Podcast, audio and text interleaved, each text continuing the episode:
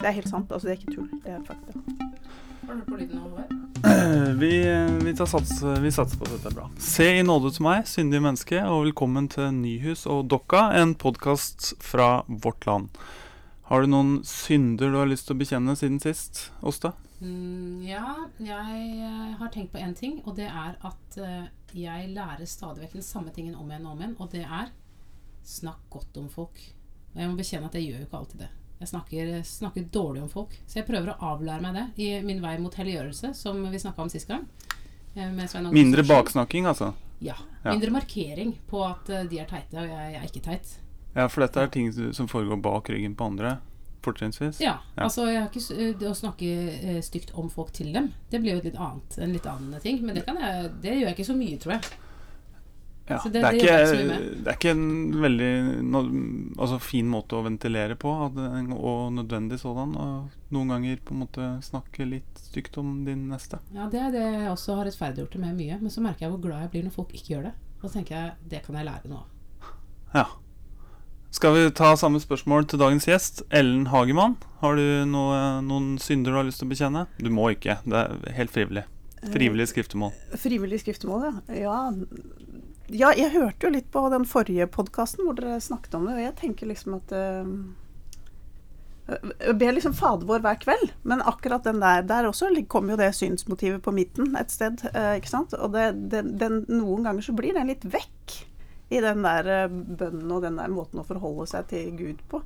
Men jeg tenker nok eh, jeg også at jeg liksom har den Jeg syns at Luther har jo et veldig bra synsbegrep, det der at man blir sånn innkrøkt i seg sjøl. At liksom når det er ting som Det trenger jo ikke egentlig være dårlige ting, men, men det der når man går liksom opp i sine egne ting og sine egne bekymringer, at mennesker rundt liksom blir plutselig blir liksom usynlig. Og det kan til og med være de som er nærmest deg, liksom. At de, det tenker nok jeg er min store utfordring i livet. Mm. At jeg går opp i mitt eget. Ja, nei, vi tar til oss dette. Nei, ikke meg. Nå har vi brukt nok tid på synden. Nå går vi videre. Um, Ellen Hagemann, eh, vi må jo introdusere deg for lytterne. Vi, jeg skrev 'Paradokset fra Gvarv', og det hekter jeg på følgende. Den hjemmeværende feministen og presten som står utenfor, som ikke lenger er prest, og til og med snakker folkekirken ned, skal vi si det. For dagens utgangspunkt er at uh, min kollega Åsta her skrev at uh, folk som kjeder, sitter og kjeder seg i kirka, de har seg selv å takke, og det kan gå i seg selv litt. Og så må de gå i kirka. Det var vel hoved, det var hovedpoenget mitt. da Hvis man bryr seg om kirka, så må man gå i kirka. Ja. Ja. Ja, var det ikke det jeg sa? Jo, jo, men ja, ok. Ja, la oss gå videre. Og, eh, og da svarte Ellen Hagemann at eh, på, eh, på Debattplass i Vårt Land et par, noen dager senere at Åste Dokka bedriver ønsketenkning for folkekirka. Folkekirkas dager er talte. Mhm. Eh, og folkekirka trenger en helt ny, om ikke helt ny teologi, så i hvert fall en må utvikle en ny teologi i møte med det moderne mennesket, og det moderne mennesket som altså ikke uten videre går i kirka. Var, det, var du fornøyd med oppsummeringen? Ja da, jeg tror den eh, stemmer ganske bra. Ja. Eh, Vil du si mer om hva slags ønsketenkning eh, min kollega holder på med? For det vil jeg høre om. Ja, altså nå er det jo liksom ikke Nå er jo ikke eller Åsta alene om dette her, da. Dette her er jo en, en gjenganger i, i, når, vi snakker om folkekirka. Um, at man Jeg tenker at det man mangler noen ganger, er en ehm, en, beskrivelse Altså at, at den teologien vi mangler, da, er en beskrivelse av virkeligheten som stemmer. Og at kirka liksom blir gående inn i en sånn eh, Ikke bare ja, ønsketenkning, men også en sånn at man uh, tolker folk mer velvillig enn man egentlig har uh, grunn til. Um, og jeg um, Ja, for Åste skrev vel at det, det finnes et sug der ute som folk ikke nødvendigvis vet, nødvendigvis vet, helt vet hvordan de skal kanalisere, men, men de har liksom en åndelig søken som ligger latent der. Ja, i alle fall så tror jeg det finnes um, Altså jeg må jo si det at jeg er helt enig i at veldig mye folkekirketenkning, um, og det, det skrev jeg noe om også, er veldig sånn uh, blind for at det har skjedd store endringer i folket. Og at uh, det fins ganske mange mennesker som aktivt tar avstand fra kirka. Ikke fordi eh, de ikke føler seg gode nok for kirka, men fordi de, de syns ikke kirka er god nok for dem, og det er ikke relevant for dem på en eller annen måte. Så det tror jeg er helt reelt, og det tror jeg vi bare må stikke fingeren i jorda og erkjenne hvis vi skal komme oss noe sted. Eh, men når det er sagt, så tenker jeg at mennesker sånn generelt har jo eksistensielle behov. Vi har jo behov for mening, fellesskap, eh, en høyere himmel osv. Hvis man klarer å få, få kontakt med det hos folk, så tror jeg det eh, er en god, et godt spor for kirka da. Men det er da jeg tenker at eh, noe av problemet det er jo at det er andre ting i samfunnet som dekker, eller enten dekker de behovene, eller kanskje dekker over dem. da. Eh, hele forbrukerkulturen, f.eks. For eksempel, Hele tiden den, den der higen etter å få noe nytt, kjøpe seg noe nytt. Eh, som jo så er et slags sånn løfte om en bedre framtid. Mm. At det skal skje noe. ikke sant? Det skal komme noe som er bedre. At man tenker liksom har den der optimismen. Skal komme liksom, en ny iPhone-modell neste ja, år? Ikke sant? Mm. Og ja. ny og bedre står det stadig vekk på, Ja. på, på produktet vi kjøper. ja. Og, og jeg tenker Og at til og med kaviaren. Og bedre kaviar. Ja. Eller tannkremtubekorkene, mm. som Nina Bjørk eh, ofte Mm. snakker om. Um, men, men det jeg tenker, tenker er at uh, det skal veldig mye til å um, altså nå gjennom den støyen og det bruset der. Og jeg er jo også, altså jeg tenker jo også at alle burde gått i kirken og, og egentlig burde jo ja, Altså alle burde vært kristne, alle burde trodd på Gud, alle, ikke sant. Så, sånn Mm. burde det jo vært på en måte. Men, men det er ikke det samfunnet vi lever i. Og jeg tenker at hvis vi er for velvillige når vi eh, tolker folk som, altså hvorfor folk ikke går i kirken, så tror jeg heller ikke at vi på en måte har muligheten nettopp for å nå gjennom den støyen. Vi tør ikke være tydelige nok. Altså det blir hele forkynnelsen og alt det blir eh, veldig eh, Det blir så omfavnende at du til slutt omfavner alt. Mm. Og det tror jeg, da tror jeg jo også at vi kommer til å omfavne nettopp liksom deler av vår kultur som kirka ikke i det hele tatt egentlig har lyst til å omfavne, men som vi burde ta mye mer aktivt avstand fra. Eh, og det er, det er vel nettopp det um, ja, altså når jeg ble um, altså jeg tenker hva er folkekirka? ikke sant? Altså Hvordan skal vi liksom se på hva det er for noe? Så tenkte jeg på når jeg var søkte prestejobb, så søkte jeg jo faktisk aktivt til en folkekirkemenighet. Jeg har vokst opp utafor kirka. Eh, og for meg så var det litt Hadde jeg havna som prest på Sørlandet, så tror jeg at det kunne vært litt skummelt. For jeg tror at hele den kulturen og språket og ehm, Det hadde nok vært fremmed for meg. Så jeg søkte meg til langt ut i havet på ei lita øy i Troms, på Bjarkøy. Og der sto det eksplisitt i teksten at dette, utlysningsteksten at dette er en folkekirkemenighet. Hva betyr det egentlig? Ja, hva betyr det? Det er lurt på mye. Og nå kan jeg fortelle deg hva det Mm. betyr. Det betyr at når du kommer og blir ordinert, Mm. er det 150 mennesker i kirka. Og det er ganske mye hvis du tenker at det bor fem, bodde kanskje 500 mennesker i kommunen. Søndagen etter var det 11. Mm. Det er jo det det betyr. Det Ikke er sant? Og eh, det er kirke for de store anledninger. Ja. eh, og det handler ikke om å snakke folk sin tro ned.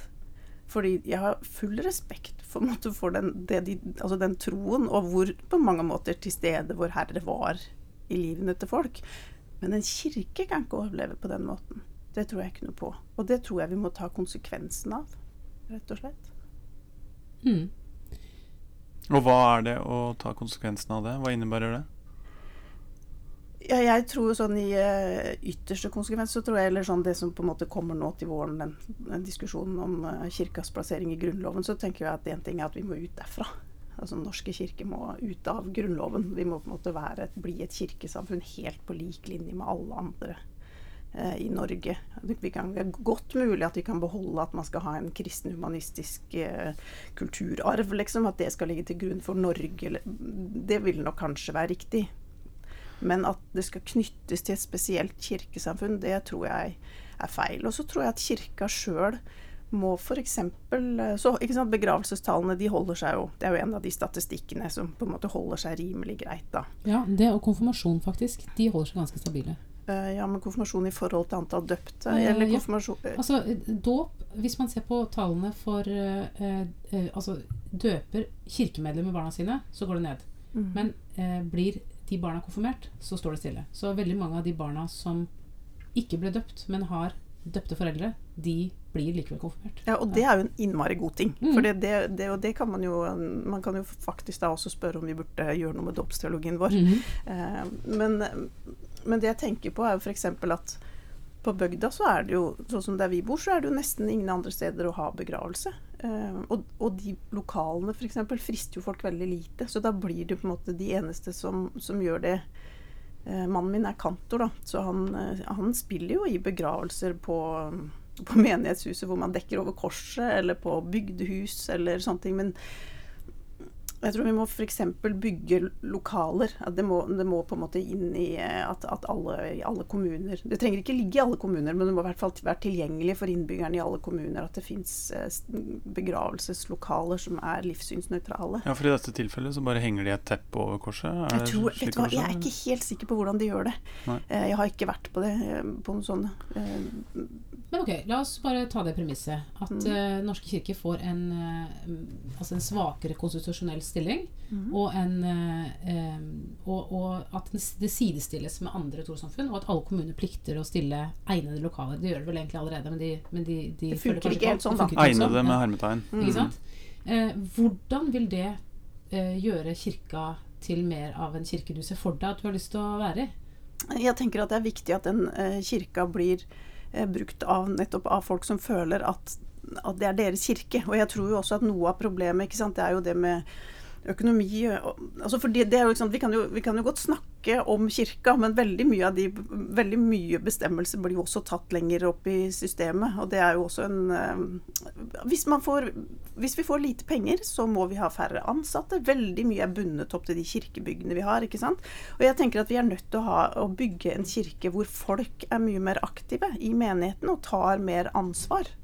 Og er en, ikke en sånn kirke som vi har nå Eh, du skrev en nei, Overskriften var 'En kirke av penger og ansatte. Jeg tror det er nettopp mm. det vi kommer til å få mangel på. Både penger og ansatte. Så at jeg mm. tror det er veldig viktig at vi skaper en teologi og en forståelse av hva kirka er, hvor, vi på en måte, hvor det at folk er med, er på en måte en selvfølgelig del av måten vi tenker kirke, tenker kirke på. Så det er ikke nødvendigvis en nedskalering av kirka? Hva tenker du på da?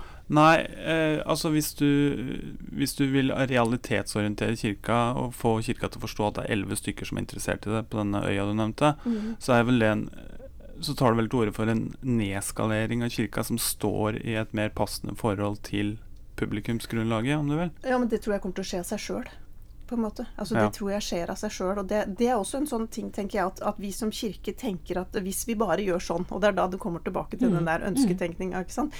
Hvis vi bare blir mer aktuelle i forkynnelsen, hvis vi bare lager den SFO-ordningen eh, hvor folk kan komme, hvis vi bare ditt, og hvis vi bare tatt Men veldig mye handler jo om hva som skjer utafor kirka tenker jeg. ikke sant? Folk sin opplevelse av om de har behov for den kirka, er ikke nødvendigvis styrt av oss. Mm. Den er like mye styrt av det som skjer, mest av det som skjer utafor. Nettopp fordi at vi dras i helt andre retninger. Jeg tenker Det er liksom morsomt, for det er jo egentlig, det er jo veldig bra det der med at konfirmasjonstallene eh, holder seg eh, stabile. Og det tenker jeg liksom er sånn Det gir jo på en måte litt sånn håp også om at ikke alt går ned, da. Men samtidig så ser vi jo ikke de igjen. Veldig, veldig Når vi begraver dem ja, for, og der er, der da det kommer. Da hadde jeg en vits på, på lager, vet du. Ja, ja vi, det var, vits. Da har det kommet til riktig kammer. Ja. Uh, den er altså sånn at det var kommet en uh, ny kapellan til uh, Eller heter det kapellan nå? Ja, I vitsen, i vitsen mm. heter det i hvert fall kapellan. Det var kommet en ny kapellan også til en, til en menighet. Og i den kirka så hadde de altså så forferdelige problemer med mus. Det var mus overalt. Og kirketjenerne hadde lagt ut gift, og de hadde satt opp feller, og de hadde gjort alt. Og de blei ikke kvitt dette her. Og så sa den nye kapellanen at kanskje jeg kan få prøve, da. Og så gikk han i kirken, og ja, dagen etter så kom kirketjeneren og sa Oi, det er jo ingen mus her lenger. Hva er det du har gjort? Jo, så sa han først så døpte jeg dem, så konfirmerte jeg dem, og borte var de og sånn er det jo. Og det, det, tenker jeg også på en, en, gang vi hadde en sånn samtale med Den gang jeg jobba som prest. Um, og da lo jeg av denne vitsen. På mm. mot, av det motsatte poenget av det jeg ler av i dag. Og det er litt morsomt. Og det er jo eh, Det var altså to prester som satt og snakka sammen, og så sier den ene åh, det er så trist, for ingen av mine konfirmanter er kristne. Og så sier den andre å, alle mine er det. Og det handler jo også om den der velvilligheten. Hvordan Ja. liksom Hva slags blikk man har på det. Ja. Ja. Men det, eh, jeg tenker jo at eh, Disse bussene skal vel gifte seg òg, da. musene Da kommer de tilbake. skal få nye barn som de skal døpe. ja, Så det, det går på et vis. kanskje. Nei, men jeg tror på mange måter så er vi nok ganske enig i mm, både i en del av virkelighetsbeskrivelsen og i på en måte visjonen for hva, hva som er en god kirke. Men jeg er kanskje ikke like mismodig som det du er når det gjelder Er det mulig at kirka kan gjøre noe med seg selv for å nå bredere ut? Altså, Kan kirka gjøre noe for å tiltrekke seg folk? Men hva tenker du da Det- den kan gjøre? Ja, ne, nå skal jeg si noe mer.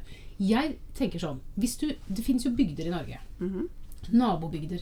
Hvor i den ene bygda så går folk i kirka, og i den andre bygda gjør de det ikke. Mhm. Altså Hvor det er dramatisk forskjell på helt sånn like geografiske steder med helt lik eh, demografi og lik type befolkning. Og da må det jo være et eller annet som gjør det. Det er et eller annet som gjør at folk vil gå i den ene kirka, og folk vil ikke gå i den andre kirka. Og det ser man i Oslo også. Det er ikke bare antallet middelklasse fastboende eh, personer som avgjør hvor mange som går i kirka eh, aktuelle kirke. Det er også noen andre ting. Det er noen folk som trekker til seg folk. Eller ta Philadelphia i Oslo, som jo har vokst massivt. Eh, som har eh, nesten like mange, tror jeg, til gudstjeneste i løpet av en helg i Oslo som det går folk på gudstjeneste i alle Den norske kirkes kirker i Oslo. Oi, Altså, er det det sant? er, ja, det, det, jeg har ikke kvalitetssikra disse tallene, så jeg skal ikke si at Jeg har sånn vært er der det. på gudstjeneste. Ja. Mhm. Eh, Så jeg tenker at det er jo åpenbart noe man kan gjøre for å få folk til å komme. Altså det, det, det, man, ser, man kan jo se det, at det finnes muligheter. Og jeg vet ikke hva det er. Hadde, hadde vi visst hva det er, så hadde det vært enkelt. Da hadde vi gjort det. Eh, det er jo som den forlagssjefen som kom inn og sa fra nå av skal vi bare lage bestselgere. Eh, hvis man hadde visst hvordan man gjorde det, så hadde jo alle gjort det. Men vi vet ikke. Og vi vet ikke hvorfor det er sånn. Det er noen historiske ting som ligger der, og det, det er sikkert noen karismatiske eh, prester som alle vil gjerne høre og sånn. Men likevel så er det noen, det er noen helt sånn ukontrollerbare faktorer der ute også. Og jeg, jeg tror at vi er nødt til å prøve å lete opp dem og være mer strategiske i å, i å finne det. Og jeg, av og til så blir jeg litt sånn sjarmert av sjømannskirkene våre. For de er jo på mange måter de kirkene som vi ønsker at lokalkirkene skal være. Altså det, er, det er lokale samlingssteder for folk som har lyst til å være sammen med andre mennesker. Som har lyst til å føle seg hjemme et sted og spise vafler gjerne. Eh, og møte andre mennesker og bli sett og tatt vare på. Og gjerne i en kristelig ramme. Eh, og det som man får til på en måte i sjømannskirkene, det er jo ikke utenkelig at noen av de gode lærdommene derfra kan overføres til vanlige lokalmenigheter i Den norske kirke. Så, så jeg, eh, jeg er nok ikke like pessimistisk som deg. Jeg tror det fins noen nøkler og noen dører, men jeg, jeg vet sannelig ikke hvor de er hen. For jeg tenker at Philadelphia er jo ikke en folkekirke.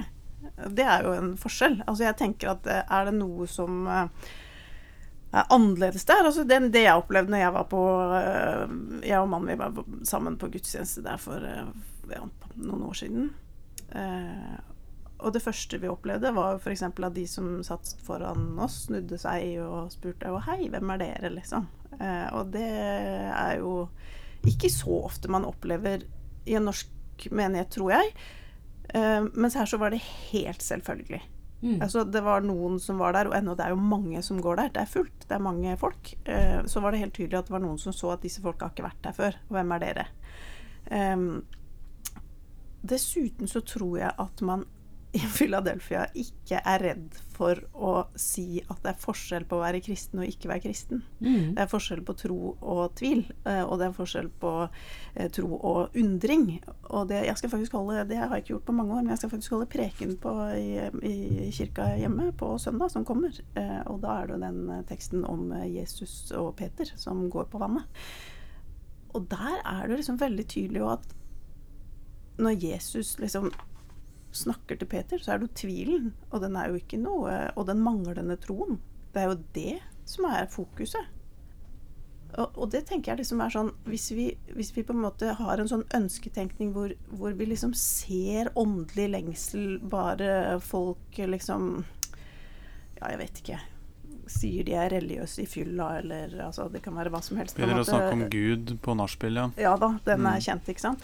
Ehm, eller liksom altså vi kan, vi kan, Jeg tenker på en måte det er et eller annet jeg tror skal vi i hvert fall klare noe, så må vi være tydelige. Veldig tydelige. Og da må vi ikke på en måte Vi kan ikke gå rundt og tro at vi kan favne alle. Og så må vi på en måte ta alvorlig at det er en, ganske mange mennesker som står i Den norske kirke som er rimelig likegyldig til hele kirka. Mm. Altså, jeg har jo familie, og veldig mange av de er jo kirkemedlemmer, men de går jo bare i kirka på julaften. Altså, De bryr seg jo ikke, og de sier jo sjøl òg at egentlig burde jeg meldt meg ut. Mm. Uh, og det er jeg vel egentlig enig i. Jeg har jo til og med en, uh, et barn som uh, det, altså vi, det finnes jo en sånn enkel nettløsning nå etter at det ble presset litt på fra Humanitisk Forbund. Så Mhm. gikk vi, på at det være, gikk vi med på at det skulle være litt enklere å melde seg ut. Vi røpet ikke dette, da, for vi tenkte at eh, ok, mener du det, så får du gå ned på Ja, ikke si på kirkekontoret og, og, og melde deg Mm. ut. Så det gjorde eh, vedkommende, da. Jeg trenger ikke si hvem det var, men gikk ned på kirkekontoret der sin far også da jobber. Og, og meldte seg ut. Og kirkevergen ringte jo litt betutet nei, eller til min eh, mann etterpå og spurte om dette her eh, Hva var det nå egentlig som hadde skjedd nå? Mm. Men han måtte jo, eh, liksom. Men det tenker jeg på en måte Tror man ikke, så, så syns jo jeg det er trist å ha et barn som ikke tror. Jeg skulle ønske at alle mine barn trodde. Um, men når de ikke gjør det, så tenker jeg at ok, da har jeg i hvert fall oppdratt noen som har eh, en selvstendig mening, og som tar på en måte konsekvensene av det. Og det tenker jeg at, at liksom, hvis vi blir tydeligere, eh, både i forkynnelsen, men også forventningene til deltakelse og sånne ting, så, så tror jeg på en måte at vi får for det første et annet menighetsliv som, som kan tiltrekke seg folk. Eh, men jeg tror òg vi får en kirke som kanskje på en annen måte kan beholde liksom selvrespekten. Fordi jeg føler at, at vi er så Når vi drukner i den der velvilligheten, så, så mister vi litt respekten for det vi sjøl faktisk tror på. Altså Det blir ikke holdt høyt nok. Så du vil bli færre for å bli flere, og bli færre for å, for å bli bedre. Ja, så tror jeg på en måte ikke sant, det, du, du- ikke sant, det er jo noe med dette her eh, Hvis det skjer ting i samfunnet Altså, jeg mener, det kan være økonomi Altså det hele det økonomiske systemet vårt som på en måte står i motsetning til, til, sant, til klimatrussel og alt, alt og sånne ting. Altså, vi vet jo faktisk ikke helt hva slags framtid vi går i møte. Mm. Og jeg tenker jo at, at liksom, det kan være, skje ganske store bevegelser i samfunnet som gjør at Kirken Ikke fordi at det er ønskelige eh, ting som da skjer i samfunnet nødvendigvis, men det kan være at Kirken på en måte blir et nødvendig tilfluktssted, ikke sant? Mm. Du vil gjerne ha en krise. Nei, det er det jeg ikke. Det vil jeg selvfølgelig ikke. Men jeg tenker at, at den, det er nettopp det jeg prøver å si, er jo at den veksten som vi på et eller annet vis uh, håper på, den tror jeg kanskje ikke vi kan styre like mye sjøl. Det betyr jo ikke at vi skal provosere fram noen kriser Mm. på noe som helst måte, men jeg tror at uh, alle kirker har på en måte et potensial til å ta vare på folk når ting blir vanskelig. Det tror jeg. Vi må over til vår faste spalte, Åsta. Ordet fanger. Ordet Men fanger. i denne gangen ikke bibel, eh, bibel, fra Nei, Bibelen, forstår Jeg jeg? skal lese noe som nesten er like bra. Eh, Ok. eh, for vi har jo i vår kirke eh, en eh, Hvis man prøver å finne ut hva er Den norske kirkes lære, så får man ikke så veldig grep om det. Mm, det er ikke som i den katolske kirke, hvor det finnes en lang liste med dogmer. Men det står på nettsidene til Den norske kirke at vi hviler på Bibelen og bekjennelsesskriftene. Eh, og I tillegg så har man jo liturgiene, som også er et uttrykk for Norsk kirkes lære. Og når det står bekjennelsene, så betyr det den, eh, altså, eh, den trosbekjennelsen som oftest brukes i Den norske kirke, eh, den apostoliske trosbekjennelsen, jeg tror på Gud Fader osv. Og så er det den nikenske trosbekjennelsen, som ligner litt, og som brukes litt sjeldnere, men som likevel er der. Og så har vi Luthers store og lille katekisme, og så har vi Confessio Augustana. Og det er den augsburgske bekjennelse. Den dukka opp i reformasjonen. Det var Luthers venn Philip Melanchthon som skrev den. Eh, fordi eh, Karl 5. ville ha et svar på hva egentlig denne nye kirka sto for. Hva slags type lære den hadde. Og da skrev eh, Melanchthon dette og framla en versjon for Luther som han godkjente. Det ble en annen som ble eh, lagt fram på, på Riksdagen i Augsburg i 1530. Eh, men dette er jo da et skrift som eh, ikke er sånn superkjent eh, utenfor liksom, de teologiske fakultetene, men som likevel da på en måte er en del av Den norske kirkes grunnlag. Og det står jo en del ting der som er Man kan bli skuggeredd av, for å være helt ærlig. Det er, det er fælt mye av det som står der. Men det er også noen ting som stadig vekk siteres. Spesielt det som handler om hva en kirke er for noe, og hva et embete er. Altså hva en prest er for noe. Eh, og nå kommer det. etter denne Ja, nå har du eh, fått oppmerksomheten vår. Ikke sant? Mhm. Artikkel 7 om kirken. Der skriver de sånn Kirken er forsamlingen av de hellige, der evangeliet blir lært rent og sakramentene forvaltet, rett. Så, så det som konstituerer en kirke, ifølge CA, eller Confessio Augustana, det er, eh, det er det stedet hvor forvaltningen skjer. Altså det er der hvor ord og eh, altså forkynnelse og dåp og nattvær skjer. Eh, og utover det ingen kvalitetssikringer. Eh, For eksempel står det et annet sted her at eh, du, må, du, du må gjerne motta nattvær av en, som er ond. Det er, det, er ikke, det er ikke den moralske kvaliteten til de som er der, som, som spiller en rolle. Det er heller ikke noe antall som spiller en rolle, men det er det at evangeliet forkynnes, og det at eh, sakramentene forvaltes. Og det tenker jeg jo av og til på at det er en eh, litt deilig ting eh, når vi eh, syter og klager over kirka, hvor, hvor dårlig stell det er. Eller i og for seg tenke på suksess. Ja, det går så veldig bra her hos oss, for vi har blitt så veldig mange på ungdomsklubben. Eh, så er det ikke det som er det avgjørende eh, for eh, CA sin del. Det er rett og slett det at evangeliet forkynnes. Og det tenker jeg er interessant med tanke på det du sier om kirkas selvrespekt og kirkas tro på sitt eget budskap og sitt eget virke. For det bekymrer meg av og til når jeg er i kirka. Så tenker jeg sånn Kjære prest, tror du på det, du, på det du driver med? Tror du på liturgien som du står og forvalter? Eh, eller eh, et sånt eksempel på at det ikke skjer, er når presten må liksom introdusere alle liturgiske ledd. Har du lagt merke til det? Når du er i kirka, så sier presten sånn Ja, alle sammen, nå skal vi si noen ord sammen, og det er bekjennelsen. Og det betyr sånn og sånn. Og så får vi gjøre det. Istedenfor å bare gjøre det, ikke sant? Da skjer det. Da er det noe viktig som skjer. Så må man hele tida liksom eh, eh, forklare hvorfor vi gjør alt vi gjør. Eh, og jeg tror prester gjør det fordi de har lyst til at alle skal være med og forstå osv. Samtidig så tenker jeg at det er også å undergrave det du holder på med. For det er ingen som skal spille fotball, og så stiller de seg opp på forhånd og sier sånn Nå, folkens, nå skal vi spille fotball. Det er et spill med elleve spillere og en ball. Altså, det er jo helt uinteressant. Det er jo det som skjer, som er poenget. Ja, men fotball, På en fotballstadion så kan du vel stole på at alle de betalende tilskuerne veit hva, hva slags spilleregler som gjelder, da. Ja, det er et godt poeng. Ja, og så er det jo, er det, men så er det jo det med nattverden, da. Ja. For den blir jo litt borte når vi driver og diskuterer hele tiden hva kirken er. Så er det liksom alle, altså, okay, Eller hva tro er og sånn. Altså. Det, er, det er i dåpen. Vi snakker hele tiden om dåpen. Men nattverden blir jo litt borte. Men der også er det jo en viss stigning, så vidt jeg vet. I hvert fall så er de eh, Var det en stigning? Det kanskje stabiliserte seg. Men, eh, men det er jo også en sånn tegn på at liksom, tenker liksom Håpet for kirka er jo at de som er der, er med. Mm. Mens eh, Er ikke det først og fremst en avspeiling av at bare terskelen har blitt lavere? At det var mange som kviet seg før? Eh, Det er hvert Jo, fall sånn det. Det hører man mange fortellinger om. Mm, at folk på en måte er Ikke sant? Altså, at det- Egentlig veldig fromme mennesker som likevel kviet seg for å gå Ja. opp til nattverd. Ja. ja, og det tror jeg også er blitt annerledes. Har det, men det har jo på en måte spredd seg. På, for, fordi når jeg kom til Bjarkøy f.eks., så var det veldig få som gikk til nattverd. Men, men i løpet av de årene så skjedde det noe. Eh, og det tror jeg på en måte er mange prester som opplevde ganske parallelt liksom, som fra begynnelsen av 2000 og oppover. At det var ofte Det var i den perioden, hvis du ser bort fra Oslo kanskje, så var det kanskje i den perioden at det også ute på bygdene har vært en sånn stigning i hvem som går til, til nattvær. Eh, Men Ellen, hva er det å være en kristen? Eh, hvis, eh, hvis, eh, hvis du er opptatt av at vi må eh, markere på en eller annen måte at det er forskjell på å være kristen og ikke kristen, hva, er, hvor, hva vil du definere det som? Jeg tenker at det som, er, det som er viktig med det, er at vi knytter det til å være en del av kirka. Å være en del av et fellesskap.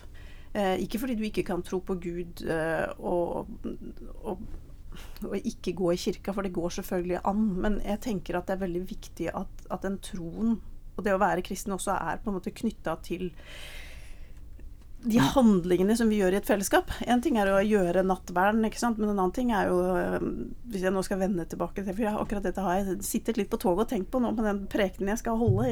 Det, når Jesus strekker ut en hånd for å trekke opp øh, Peter, så er jo det på en måte også en del av det å, å, å være kristen. Det er jo på en måte å være den der hånda som, som trekker noen opp, og at vi liksom øh, og jeg tenker liksom hele bekjennelsen og alt. Jeg tenker du kan jo ikke, Det er ikke nødvendigvis sånn at du trenger å stå når du, når du sier fram bekjennelsen ikke sant? og tenke at ja, tror jeg nå dette er, eller tror jeg ikke? ikke sant? Men det handler jo like mye om det å være med og gjøre det. Det at man er der.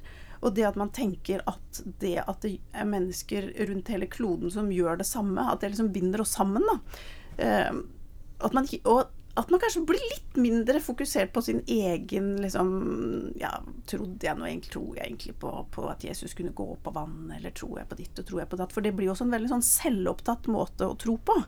Eh, ikke fordi at ikke ting skal være integrert i oss, for det skal det jo på, men, det der at vi, at vi liksom knytter det nettopp til fellesskapene, det tror jeg. Og det tror jeg er veldig viktig i vår dag, eller i vår tid hvor ting er så individualistisk, hvorfor fellesskap veldig lett smuldrer opp. Ikke sant? Altså at det er veldig lett for at vi liksom blir eh, eh, At vi blir gående én og én, da. Og da tror jeg de fellesskapene er veldig viktige, og jeg tror at jeg vil i hvert fall knytte det med tro og, og, og det å være kristen til å være del av de fellesskapene. Jeg tenker jo av og til også på, for jeg har- jeg har lagt merke til både denne økninga i eh, mm. og en økt oppmerksomhet knyttet til nattverd og generelt sakramentsteologi i Norsk kirke. Man er mer opptatt av nattverd enn man var, og man er mer opptatt av, eller deler av Norsk kirke er mer opptatt av det, hva den faktiske handlingen å motta brød og vinen er for noe, og hva, den, hva slags betydning den har. Og, og, og det er mange teologer eh, som snakker opp nattverden for tida. Eh, det er fint, og jeg støtter det, og jeg liker å gå til nattverd selv. Eh, liker. det er kanskje litt irrelevant om jeg gjør det, men, eh, men det hender også at jeg får en liten bismak når jeg, når jeg eh, tenker på de tingene. Og det er fordi at det, jeg tror også i takt med at nattverden blir at terskelen til nattverden blir lavere, så mister den noe av sin symbolkraft. Eh, det at, eh, at man er så opptatt av Nå har jeg spist dette brødet og drukket eh, denne vinen, eh, og det er noe i seg selv. Eh, det kan nesten bli litt for mye nattverd noen ganger, tenker jeg. At, at det er en sånn, sånn der, at- på samme måte som måten man snakker om dåpen på, at det blir en slags type magi knytta til nattverden. Eh, på samme måte som at liksom, dåpen, der er du innlemmet i, kirka og får Den hellige ånd og blir en del av den eh, verdensvide kirke. Em, så skjer nå det samme i nattverden. At ja, her får vi næring for troen og møter Kristus der han er. Og sånn. Så tenker jeg, ja, er det noe sannere? Er det, er det, er det eh, hva slags, På hvilket nivå er det en beskrivelse av virkeligheten? Og på hvilken måte er det også en form for ønsketenkning som ligger i den sakramentsteologien? Nå si, bare, bare for å Eller en besvergelse. Ja. At det bikker over i besvergelse. Ja, mm, mer enn en realitets... Ja. Altså sette språk på virkeligheten. Dette er noe jeg utforsker. Jeg vet, ikke, jeg vet ikke helt om jeg er enig med meg selv altså, når jeg sier det. Men jeg, jeg kan bli litt trøtt på den der nattværsmasinga noen ganger. Altså. Å ja, nei, det opplever ikke jeg. Det høres ut som en det men det- kommentar du må skrive. Ja. Nei, jeg tror, tror Men det er kanskje også at der er det litt sånn eh, Altså, jeg går jo ikke i kirka i Oslo, jeg går i kirka på, i Saura. eh, Og der eh, har jeg ikke den opplevelsen i det hele tatt. Eh, Jeg syns ikke det er så mye nattverdsteologi i det hele tatt, jeg. Eh, Men, men ikke det at den blir snakka ned eller noe sånt heller, det er, ikke- eller ikke blir nevnt. Det, det gjør den, men mer som en naturlig del av, av det. Men jeg er jo enig i den grad hvis man tenker også at, at liksom kirke blir bare noe du gjør på søndager. Det hvis du liksom tenker at det, da har jeg gått til nattvær, og da har jeg liksom Ja, dette er å kryssa på den lista. Ja, ikke liksom. sant? Mm. Eh, Men så tenker jeg vi må jo være litt forsiktige med at vi blir altfor selvkritiske òg. Altså, vi kan jo drukne, drukne i den eh, i den grøfta òg. Men jeg tenker at det der å være med i det fellesskapet, det tror jeg er viktig. Og det som er fordelen med å bo på et lite sted òg, er jo Nå vet ikke jeg hvordan altså Menigheter i Oslo fungerer jo veldig forskjellig. Jeg tenker det er litt mm. annerledes å gå i domkirka og det å gå i eh, kanskje i Paulus, som er de to jeg kjenner, i og for seg, hvis jeg skal være ærlig. Eh, Men, men liksom, vi kjenner altså På Gvarv så kjenner jo de fleste hverandre, eller vi i hvert fall av, vi ser hverandre i hvert fall innimellom uansett, liksom. Men, men det der å være noen som, som liksom Hvor du tenker at dette er et fellesskap, og at her er det Skulle det skje noe med meg, liksom? Eller med barna mine, eller med mannen min, så er dette også et fellesskap som, som kommer til å rekke ut hånda til meg. Mm. Og det å kunne ha Og det tror jeg, hvis du spør folk i Philadelphia om det spørsmålet, og kanskje sammenligne med en annen menighet i Oslo, så vil du kanskje få forskjellige svar. Og jeg tenker det også er jo å være Det handler jo også om troen og det å være kristen. Den der tanken om at liksom, ja, men da er jeg, jeg er en del av noe. Ikke det at vi ikke skal ta oss av folk som står utafor, men, men liksom jeg er, er i et fellesskap hvor jeg håper da at noen eh, skal være med å bære meg den, da, den dagen jeg trenger det. Du sa tidligere i sendingen her, Åste, at, eh, at mennesket er podet med en sånn eksistensiell lengsel og, og trenger et, et, fellesskap og et fortolkningsfellesskap å være en del av. Uh, men hvorfor, hvorfor, kan ikke fotballstadion fylle nøyaktig den funksjonen? Der uh, strekker man hals mot himmelen og synger lovsang og er del av et fellesskap og alt det der. Ja, jeg tror åpenbart at, Hva er? At det skjer jo også på andre arenaer. Og det å være en del av et fellesskap kan jo skje på veldig mange ulike steder. Og det å, å ha en løpende samtale med seg selv eller andre om mening og om etikk osv. Det kan skje på mange steder. Det tror jeg absolutt det gjør. Men en av de store fordelene med å gjøre noe av dette innenfor rammen av en kirke, er jo at eh, for det første så er jo det som, det som på en måte er det som blir overlevert, eller det som er evangeliet, eh, det er jo noe man Altså hvis, hvis du går til en, en fotballfan og spør hva handler dette om, hva tror du på? Eh, så, så, så, er det ikke sikkert at du, at du, kan finne et svar. Men hvis du går til en kirke, så finnes det svaret. Altså det, det er en lære, det er folk som sitter og studerer eh, de tingene som man eh, blir forkynt. Det er en kvalitetssikring. Det er en, eh, det er, det er en visdom som har, har, eh, har løpt gjennom århundrene. Og, og, det er ikke bare liksom det er, det, er, det er, også en, en, korreks i det å uh, utsette seg for uh, evangeliet. Uh, det, eller det er, korrekt, det er, korrektiver der. Det er ikke bare selvbekreftelse. Det er ikke bare det som rev oss med i emosjonene over at dette laget vant, osv. Og, og i tillegg så tenker jeg vi skal også være glade for at det fins religionskritikk på den måten som det gjør. Peterkirka ble jo bygd av mennesker, og mange døde underveis. Og det ble bygd, ble bygd på, på midler som folk egentlig hadde trengt til mat. Ikke sant? Det vet vi, og det, har, eh, det må kirka bære. Sånn er det med alle kirkebygg. De har tatt midler fra fellesskapet og også utsatt noen for fare. Fotballstadion som bygges i hva er det, Qatar nå? Er det Qatar? Ja. ja. Der dør det jo folk som fluer. ikke sant? De bare sender inn fremmedarbeidere som eh, ikke er sikra. Eh, penger tas fra folk som virkelig kunne trengt det. Men hvor fins fotballkritikken? Hvem er det som står på barrikaden og sier nå må vi legge ned all organisert fotball her i verden? Eh, fordi dette skjer. Det, det, er, det, er, jo Folk ser på fotball likevel. Folk, folk spiller fotball likevel, selv om dette skjer på høyeste nivå i, eh, i liksom verdens fotballiga. Så jeg tenker at kirka er en mye mer selvkritisk institusjon. Eh, den har en lære. Og jeg tror også da, siden jeg jo faktisk tror på Gud, så tror jeg også det er noe mer å hente der enn det er på en fotballstadion. Ja, som kommer utenfra. Jo, skal, det var ikke meningen å, å trekke den parallellen altfor langt mellom, mellom, fotball og religion. Eh, men det er vel òg ikke avgjørende hvorvidt denne hypotetiske fotballsupporteren er i stand til å artikulere noe veldig flott rundt sin meningssøken. Eh, poenget er jo Nei, men er, at han, er det innhold der? Han opplever at dette gir livet hans mening og retning, mm. og lever veldig fint med det, og mm. dør lykkelig. Mm. Jeg har, har en uh, veldig ihuga fotballsupporter i familien. Og det er uten tvil et sted uh, altså Fotballstadion er uten tvil et sted hvor man uh, hvor, altså, I det minste et religiøst substitutt, vil jeg påstå. Mm. Men egentlig mest på en positiv måte òg. fordi på mange måter, som jeg sier, f.eks. en supporterklubb klarer jo noe som kirka Det kan godt hende at vi eh, skulle gått eh, like mye dit for å lære noe med den måten de eh, tar vare på hverandre. Altså Jeg vet i hvert fall i den supporterklubben til, til Odd, så, så, ser du f.eks. veldig ofte folk som ja, kanskje har falt litt utafor, da. Eh, folk med psykisk utviklingshemming f.eks. Mm. på en helt annen måte og en helt naturlig løft, måte blir ja, blir løfta fram og, og, får en helt naturlig plass i, i det fellesskapet. Også, også, mye også mye mer ukritisk, på en måte. Mens jeg tenker i kirken så vil vi veldig fort tenke ja, hvordan skal vi inkludere disse? ikke sant? Altså, vi, måte, vi går liksom sånn helt inn en sånn mm. runde ekstra, på en mm. måte. Mens der skjer det. Ja, veien om tanken, man har ikke, ja, ikke sant? Mm. Man har ikke lagd en, vi har ikke lagd en handlingsplan for inkludering av psykisk utviklingshemmede i uh, supporterklubben, men det skjer. Mm. Og det tenker jeg, der også er det jo noe med at liksom Faren med profesjonaliseringen av kirka er jo det at vi at det skjer for mye Altså at det blir for mye refleksjon og for lite sånn Hva skal man si løkstrupp, ikke sant. Altså den direkte Det at vi tar vare på hverandre der vi er, når vi er der. Mm. Jeg må også korrigere deg så vidt, Toste, for det, dette handler jo ikke om å juble og triumfere sammen. Fotball handler jo i all hovedsak om å tape og lide sammen. De mm. fleste lag taper jo. Det er bare ett lag som vinner, og så er det 13-14-15 som taper. Er det ikke bare to lag med en kamp? Jo, jo, men hvis du ser på en tabell, da. Men, ja. sånn, ja. mm.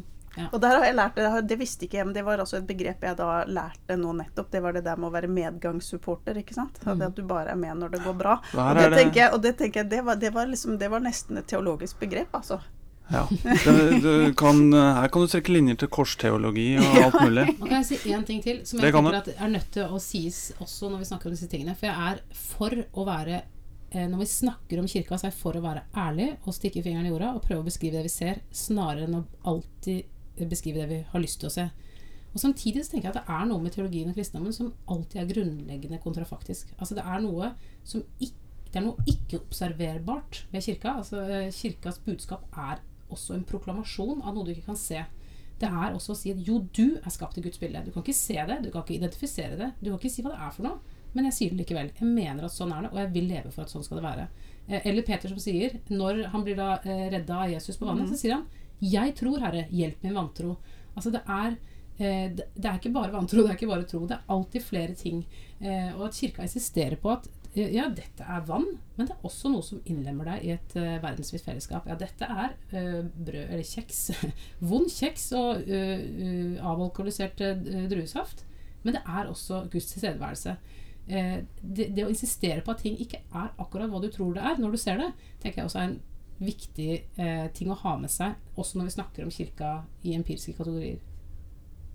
Ja, det er jeg er helt enig i det. Og det er jo noe med hele den der eh, forsantholden, på en måte. Altså det at vi på en måte tenker at, eh, at som eh, Ikke sant. Altså, vi kan snakke fint om eh, religionsdialog, og det er veldig viktig, og sånne ting, men samtidig så er det jo noe med at, at som, som en sånn monotistisk religion, så tenker vi jo også at vi, vi, har, vi, vi forvalter jo sannheten, med stor S til og med.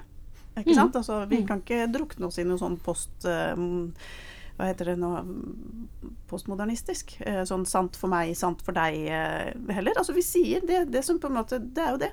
Som du sa i Augustana. Altså det, det skal forkynnes rett. Det og det vi forkynner er sant. ikke sant? Det er sannheten. Vi tror dette her. Eh, og det må vi kanskje Jeg tenker liksom det er noe med det der. Vi må gå ut og våge å si det. Og se at, eh, at liksom Som du sier, det bekrefter oss ikke bare.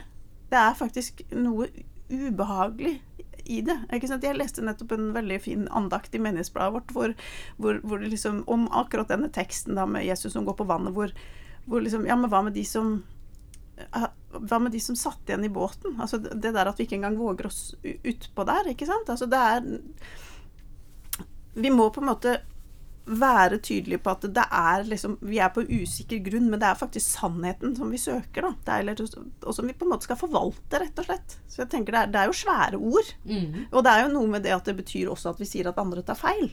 Jeg mener at humanetikerne har veldig mye rett i sin kritikk av Den norske kirke, og særlig av Den norske kirkes posisjon i samfunnet, og hvilken posisjon den skal ha i framtida. Der tror jeg at vi har veldig mye å lære av det de sier.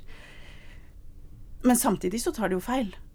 Det er jo vi som har rett i forkynnelsen. Det er jo, altså Jesus er veien, sannheten og livet, og det har de jo ikke forstått. Men du var vel en nyordinert og entusiastisk ung prest langt, langt tilbake. Hvor, hvor, når var det du begynte å butte? Var det når det kom elleve stykker i den eh, gudstjeneste nummer to? Nei, for at det jeg gjorde da, var jo akkurat det jeg kritiserer nå. ikke sant? Jeg tolket jo dette veldig velvillig. Jeg Ja. tenkte jo på en måte at, at liksom folk, eh, folk gikk i kirka når de hadde lyst, og, og at liksom de som ikke gikk i kirka Det var ikke sånn at jeg på en måte definerte dem ut den gangen. Det som faktisk, det, det som faktisk gjorde at det begynte å butte, det var eh, en dåpssamtale. Jeg er jo en, eh, eh, en venninne som beskrev meg som en eh, til dels ubehagelig tydelig person. Eh, så jeg har alltid liksom eh, Kanskje nok også turt å ta litt de samtalene i, i, i, i dåpssamtaler og vigselssamtaler og sånn, og prøve å på en måte altså få, få brakt liksom de store spørsmålene på banen, da. Eh, I hvert fall prøvd. Eh, og så var det en dåpssamtale hvor, hvor altså dåpsforeldrene sier at ja, men nei, vi tror ikke på Gud, vi. De trodde ikke i det hele tatt, men de skulle bære dette barnet til dåpen. Og da på en måte da, da var det jo ingenting å gjøre, da. Hva skulle jeg si da, liksom? Da var det sånn hvis jeg fortsatte den samtalen da, så kom det jo til å bli veldig ubehagelig både for dem og både for meg. For konsekvensen av det var jo på en eller annen måte at jeg måtte, måtte si at Det er ikke så nøye. Enten det, Ja. eller si at vet du hva, dette kan dere ikke gjøre. Men Og tror hva- du ikke at dåpen har eh, At Gud er til stede i dåpen uavhengig av hva foreldrene driver og tror på? Tror ikke jeg at alle barn er skapt i Guds bilde uansett. altså Er det sikker på at barnedåpen er det riktige ut fra det menneskesynet og hvordan Hva var det deres begrunnelse? av Tradisjon, enkelt Ja. og greit? Ja. Tradisjon, familie. Og jeg er jo selv døpt fordi eh, oldemor hadde hekla en dåpskjole. Altså mine, min far er Og det er ganske Det var ganske spesielt på den tiden. Han er altså borgerlig konfirmert. Eh, og, og, men, men de også tok jo hensyn til det, ikke sant? Til, til familien. De var unge foreldre. Ehm, men jeg tenker jo også at nei, tror man ikke, og tror man ikke det skjer noe der i dåpen, så, så, så må man jo la være jeg, jeg tenker også for, i respekt for seg sjøl som foreldre, på en måte. Og det er jo ikke sånn at vi har jo ingen Eller i hvert fall tror ikke jeg på det. da Jeg, har, jeg tror jo ikke at disse barna har noe fare for å gå tapt, fortapt av den grunn. Eh, det betyr jo så, så jeg tror nok at hadde det skjedd i dag, så hadde nok jeg eh, sagt at dette barnet kan ikke jeg døpe. Dette kan ikke jeg stå inne for, for dette, det, nå, da gjør vi noe som ikke Altså, det er ikke bra for kirka, det er ikke bra for dem. Eh, Det ville vært bra for barnet, da, ville det ikke det?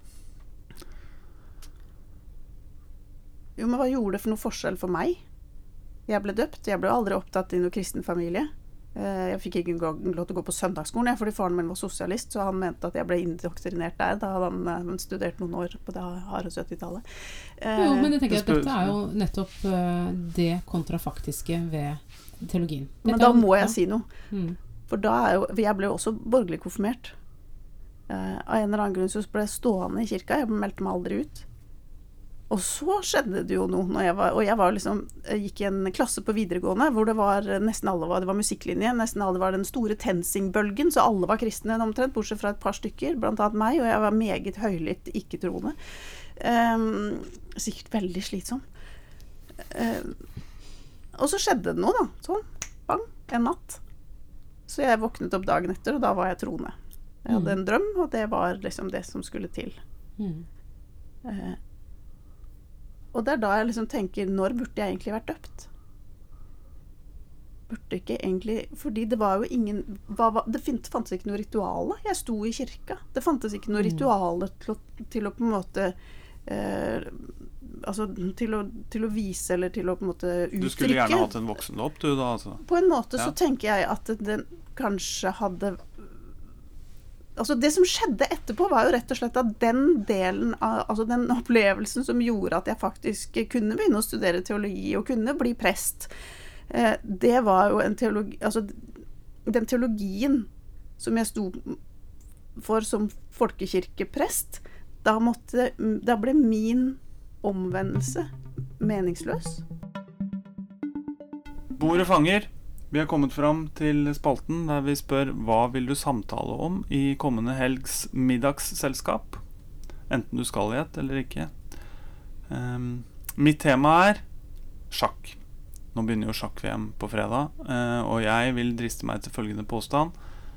Magnus Carlsen-effekten og den store sjakkfeberen som herjer vårt land, er et uttrykk for en religiøs lengsel. Og ikke en religiøs lengsel på avveie, men en religiøs lengsel som har funnet et godt mål. Eh, og du trenger ikke å ta mitt ord for det heller, eh, Åste. Ser du du sitter og fniser litt skeptisk. Du Ja, kan ta André overtolke, overtolke den religiøse lengselen. Ja, det er litt apropos det, overfortolkningen. Det kan være. Men, eh, men jeg kan i hvert fall lene meg på en autoritet som André Bjerke, som skriver om hvordan eh, åpningsvarianten Evans Gambit, hvor du ofrer en bonde på B4 i fjerde trekk. For han var en inngang til korsmysteriet. Uh, og en vei og en, eh, en eh, noe som åpnet han opp for uh, uh, at det finnes andre former for sannhetssøken enn den naturvitenskapelige metode. Så jeg har, eh, jeg har eh, store menn på mitt lag når jeg kommer med Mm. denne påstanden, så jeg tror jeg skal kunne forsvare den. Har du noen kvinner? Jeg tror ikke jeg har en eneste kvinne på laget mitt, men det får stå sin prøve. Men det kommer jo det kom til en eh, veldig ung Var det en? Litt rart navn. Lykke Merlot. Ja, Et lite sjakkgeni. Et like, lite norsk sjakkgeni fra Asker, Bærum. Ja, noe sånt. Mm. Mm. Hun er foreløpig veldig ung, men jeg tror nok hun vil Hun vil nok kunne bli en alliert med Mm. tid og stunder. Mm. Ellen, hva med deg? Har du noe til Bordet fanger? Ja, ja, det har jeg. Jeg ble litt nervøs da når jeg hørte om denne spalten med At jeg skulle liksom se for meg et middagsselskap, siden jeg går så sjelden i middagsselskaper. Så jeg tenkte da at jeg skulle oute meg selv som en person med, litt, med, med få venner, rett og Mm. slett. Uff da. Eh, Eller? Ja, det er litt begge deler. Det er, men det jeg tror nettopp, nesten at jeg er sånn at jeg foretrekker å være ensom av og til, framfor å på en måte ha for mange sånne sosiale forpliktelser. Sånn, fordi det krever mye i familien. Og så trives jeg veldig godt hjemme. Og så har jeg noen få veldig gode venner. Eh, veldig gode venner. Eh, sånne venner som eh, hvor det liksom ikke trenger å være noe filter eller fasade eller noen ting. Og det, det har jeg behov for. Um, Men la oss si at du spiser middag med Ja. enten dem eller med familien, f.eks. Ja, men jeg kan godt jeg, kan liksom, jeg har sett for meg litt mer sånn jeg tenkte, Men så tenkte jeg en ting man aldri I hvert fall som er sånn livsfarlig å begynne å snakke om, det har jeg skjønt eh, i en del sammenhenger, det er sånn klimaforandringer og sånn. Og særlig hvis man begynner å snakke om hva man kan gjøre og ikke gjøre, da, da om det er sosialt selvmord. Så det skal man være Da med. det forsiktig med. kjipt. Det, det blir kjipt. stemning. Men, eh, men så tenkte jeg sist jeg da var i et, Det var mer enn 50-årsdag, en ganske livlig 50-årsdag. Da havnet jeg eh, Da dumpet det en fyr ned ved siden av meg, og så begynte vi å snakke om eh, Ja, da var det Hareide først, men så begynte vi Og det var noe som jeg tenkte jeg måtte ta med, da. Eh, Sett sammen din drømmeregjering. Å. Um, for det begynte vi begynte å leke med dette her. Vi, vi forholdt oss innenfor de rammene som er, da, med det Stortinget som faktisk eksisterer. Men det kan man jo velge som man, eh, som man vil. Men da hvilke partier vi ville hatt med og sånn. Det som var litt artig, var at jeg befinner meg jo veldig langt ute til venstre politisk. Og det gjorde nok ikke han som jeg satt ved siden av. Han var nok mer eh, Jeg vet, klarte ikke helt plassere han, men eh, vi ble veldig enige om at Arbeiderpartiet og Høyre burde nok være med begge to. Mm. Eh, og det tror jeg egentlig at det ikke var så Jeg tror det hadde vært litt morsomt å høre i et selskap om det var flere som For jeg tror egentlig ganske mange nordmenn uh, kunne tenke seg den eh, konstellasjonen. Ja, hvis, men hvis Høyre og, og Arbeiderpartiet hadde gått regjering sammen, så hadde jo hele den norske politikk kollapsa fullstendig. Altså da, da hele motsetninga hadde liksom forsvunnet, selv om de jo er helt like som politisk. Nesten. Ja, men jeg tror at folk har, problem, folk har jo problemer med å se forskjell. Ja. Eh, og jeg tenker også at det er såpass mye som er likt at eh, vi i hvert fall endte med det, da, med noen andre partier eh, innimellom. Men, men det var i hvert fall en artig måte å, å, å skravle på, så vi, det, det underholdt vi med oss en god del med den kvelden. da. Kom Bjørnar Moxnes med? Det lurer jeg på. Nei, jeg, selv om jeg, jeg gjerne stemmer på han og bor ikke, Nå er jo ikke han i Telemark, så det er ikke så lett å stemme på Rødt når man bor i Telemark. Eh, men eh, jeg tror kanskje at han eh, gjør seg best i opposisjon. Og det er noe med å trekke norsk politikk mot venstre, det har jo ikke jeg noe imot. Men jeg, om han gjør det så godt innenfor en regjering, det tviler jeg på. Ja, men dere holdt dere innenfor Stortingets Ja, rammer, ja. dere. Ja. Mm. Men Ja, det kan man jo velge. Torbjørn Jagland på 90-tallet drev og rekrutterte fra alle mulige hauger og bauger og kanter. så Nils Arne Eggen skulle plutselig være sportsminister. Ble sånn. han det? Ble ikke. Nei. Nei. Jeg tror både Men- Bendik, Bendik og Anne Holt og sånn kommer fra, Ja. virkelig fra herfra og derfra. Ja. Det som var viktig for oss, var å holde Fremskrittspartiet unna. da. Det var, det var liksom okay. første bud. Ja. Hva kan man gjøre for å holde Fremskrittspartiet unna? Det, det var liksom klart uansett, selv om vi da befant oss på litt forskjellig sted politisk. Eh, men det, var ikke, det, det er jo morsomt hvis du kan begynne å gå med personer, men dette her var jo også hva slags partier, da. Mm. Mm. Men det er artig samtale.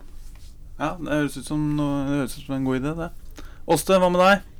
Ja, jeg ble litt inspirert av samtalen vår i stad til å rett og slett ta opp uh, dette med fotballisering av samfunnet. Uh, at det skjer så uten motstand og friksjonsløst. At uh, alle barn skal spille fotball i friminuttene, og det, er, det, er liksom, det er noe man skal synge sånne sanger på skolen som handler om et fotballag, og, eh, og at liksom det er noe man skal kjøpe klær som for øvrig er utrolig stygge, som, som liksom er som fotballdrakter og vi skal ha sånne kunstgressbaner som har sånne små kuler som ødelegger for stakkars dyra våre. Og det er så mange negative ting med fotball som jeg føler at blir så lite fokusert på. Og, og, og, og at det at Det er helt greit for meg at noen spiller fotball på Løkka, liksom. Det må de gjerne gjøre. Men hvorfor må resten av oss tvinges til å se liksom, 20 minutter med fotballnyheter før vi får været, liksom? Det er faktisk færre besøk på fotballkamper i Norge enn det er besøkende på gudstjenester og kirkelige handlinger. Men det skulle du ikke tro hvis en ser på Dagsrevyen. Det er jo et poeng. Men eh, ja, liksom, fotball er en del av vår, eh, vårt eh, familieliv. Da. Jeg har en som er veldig aktiv og spiller fotball, ei jente. Og, og en som da er veldig glad i å heie. Um, som drar på fotballkamper omtrent hver eneste helg. Um, men jeg ser ikke så mye på TV, så jeg får ikke helt med meg det. Men er det veldig sånn? Altså, dessuten Jeg går barna mine på en kristen skole, så de synger mer eh, kristne sanger enn eh, Det er, jo, det, er jo, for, Men de det, er jo spiller ikke, fotball. det er jo ikke sant at du må se 20 minutter eh, fotball før du ser været, da, for det første. Men men, jeg, det, men jeg, jeg kan godt være med på deler av virkelighetsbeskrivelsen. Det er mye som kretser rundt fotballen, og sikkert for mye. Eh, på den annen side, det kan du jo si om alt mulig. Det er for mye, for mye tid som brukes på landsmøtet til KrF òg. Det var jo ikke Mm. mulig å være i verden uten å få Mm. timevis av direkteoverføringer derfra. En venn som skrev på Facebook det er som å få servert fyrstekake til frokost, lunsj og middag hver eneste dag i flere uker. Eh, dette med KrFs landsmøte. Ja. Og det, skjønner Sånn at det er en anklage som rammer mye her i Mm. livet. Men er det litt sånn mye vil ha mer? Altså det der at når man, eller er det en form for nasjonsbygging på en Ja, måte? På, er, på et annet vis, liksom? Det har liksom? blitt litt sånn nøytral grunn, opplever Ja, jeg. Altså, det er et og det er, eh, det er også noe med sånn lokalmiljøting som gjør at det her på Torshov og i hvert fall her på Skeid sammen, det kan vi nå i det minste gjøre, liksom. Sånn som det er hos oss, da. Eh, men jeg er jo fullstendig utelatt fra dette fellesskapet. Eh, og, Det, er liksom, det har blitt en sånn erstatning, for man har forskjellige guder og forskjellige Mm. Politiske politiske, og affiniteter. og så videre. Ja. Men himla fotballen skal vi alle drive med. Nei, jeg, nei, jeg bare tuller. Men jeg, jeg tenker jo at eh, det, jeg syns det er interessant hvordan vi har så veldig åpne sluser og dører for veldig mange ting. Og som vi bare integrerer automatisk inn i hverdagen, selv om ikke alle mennesker egentlig er opptatt av det.